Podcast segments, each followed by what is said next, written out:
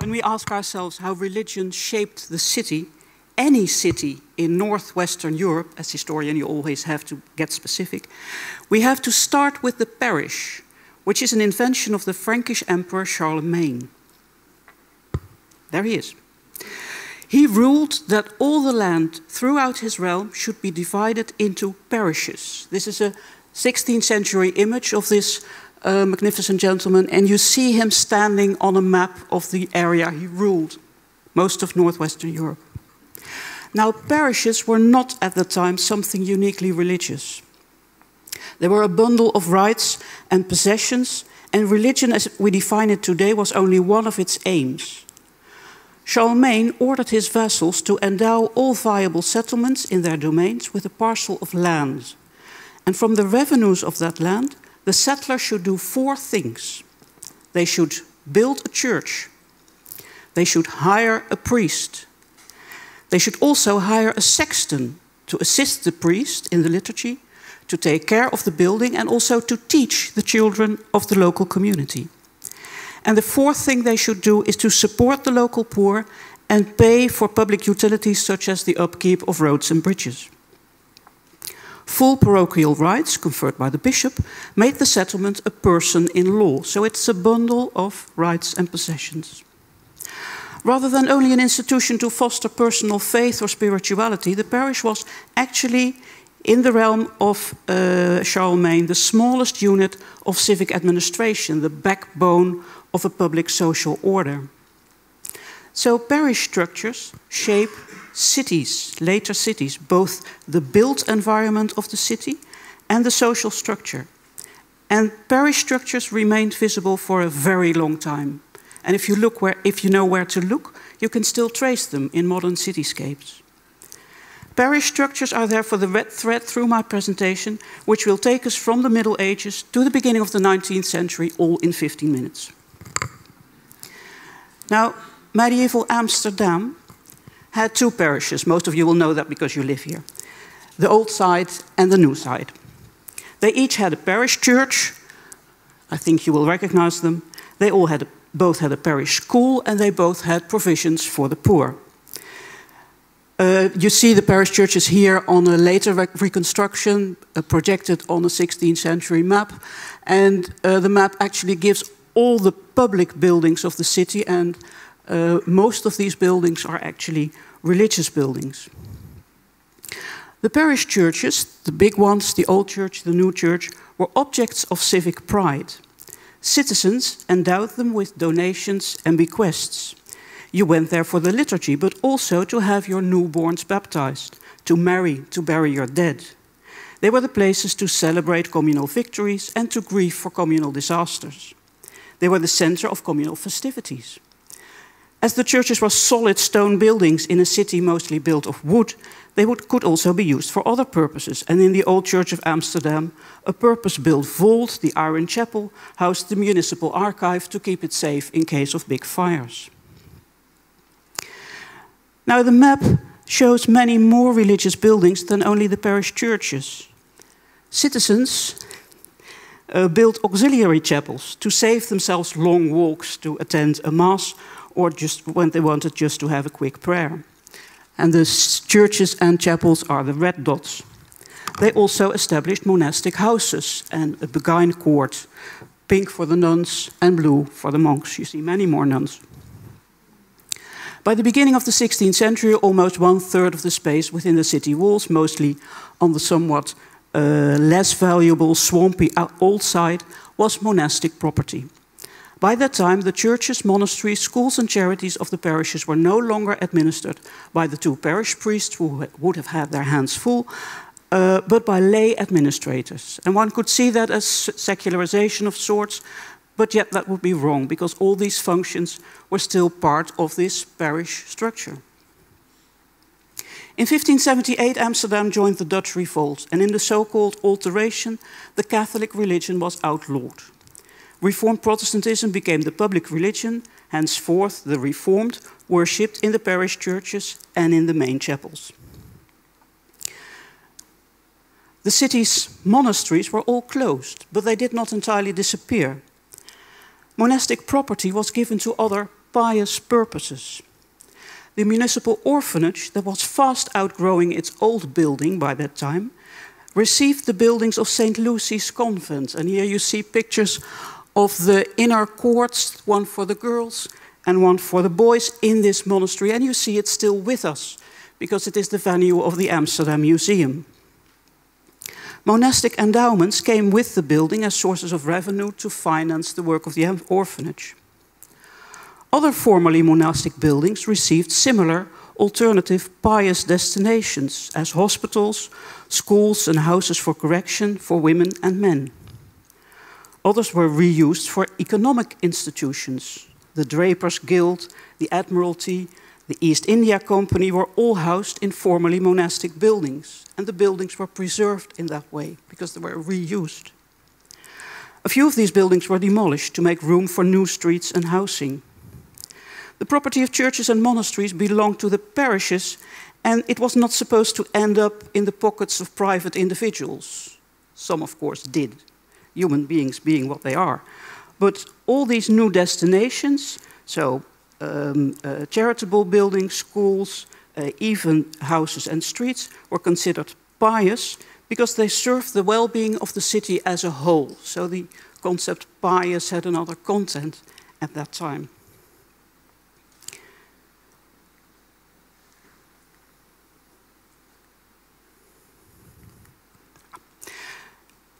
That for the built structure of the city. Now, for social structures. The Reformation destroyed the religious unity of the city. Before the Reformation, practically everybody was Catholic, and now there was diversity.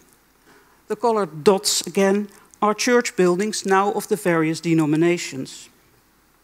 And if you look at the map, you see that the yellow dots for the Reformed Church form almost an umbrella that encompasses the entire city space.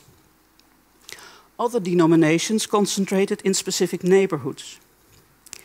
Religion divided the urban community, yet the parish remained as a bundle of rights and properties to support pious functions. Two examples. The Reformed Church continued to perform baptisms, marriages, and burials for all inhabitants. The non Reformed often preferred, of course, their own clergy for these ceremonies, but there was no choice in the case of burials. All the city's dead were buried in the public burial grounds, and that means the rich in the public churches, the poor in the public cemeteries on the outskirts of the city. Mingled all the religions together. Second example, the organization of education and charity remained by and large the same. The public Latin schools, the municipal orphanage, the hospitals, they all remained in the hands of municipal lay administrators and open to all citizens, although they were not religiously totally neutral. Now, if we look at these different uh, denominations, the Reformed Church initially drew only a minority of the population into its membership.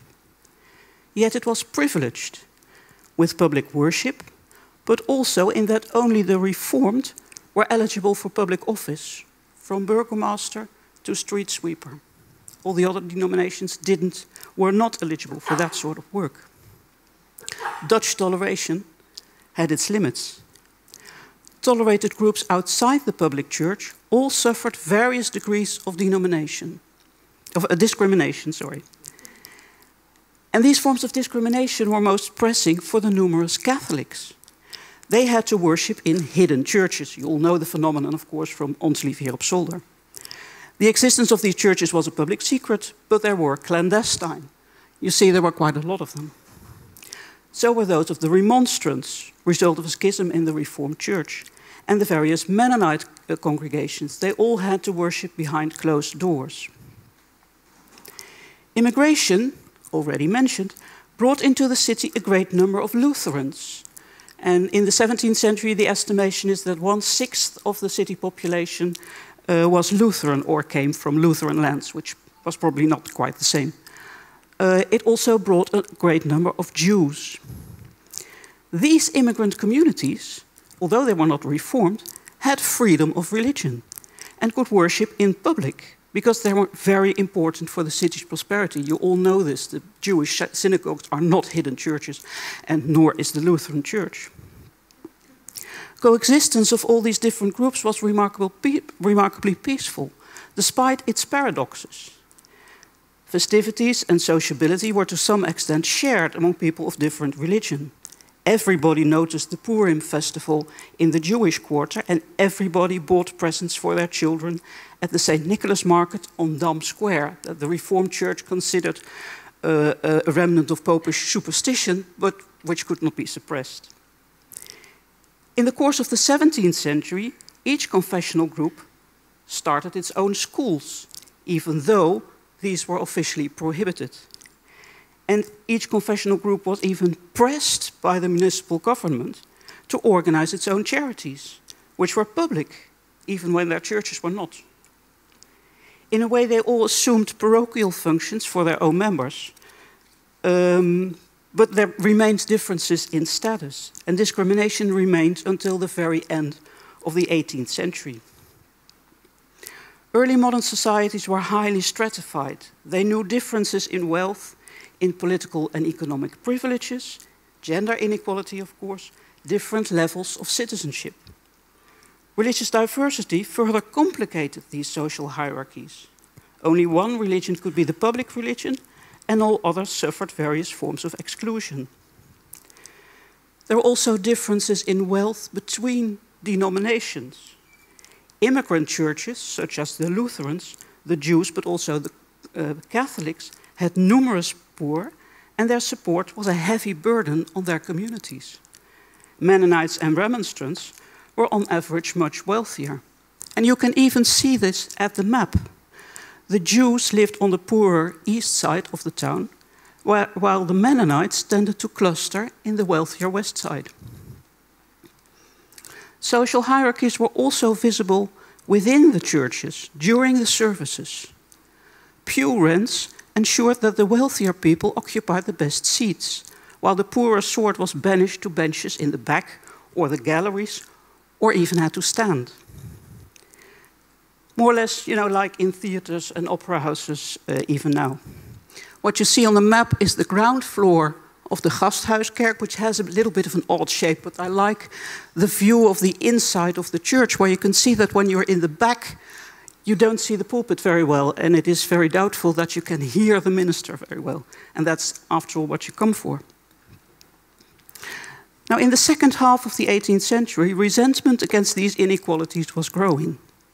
In the 1780s, the so called Patriot movement propagated new ideas, political, social, and economic, to end stifling inequalities.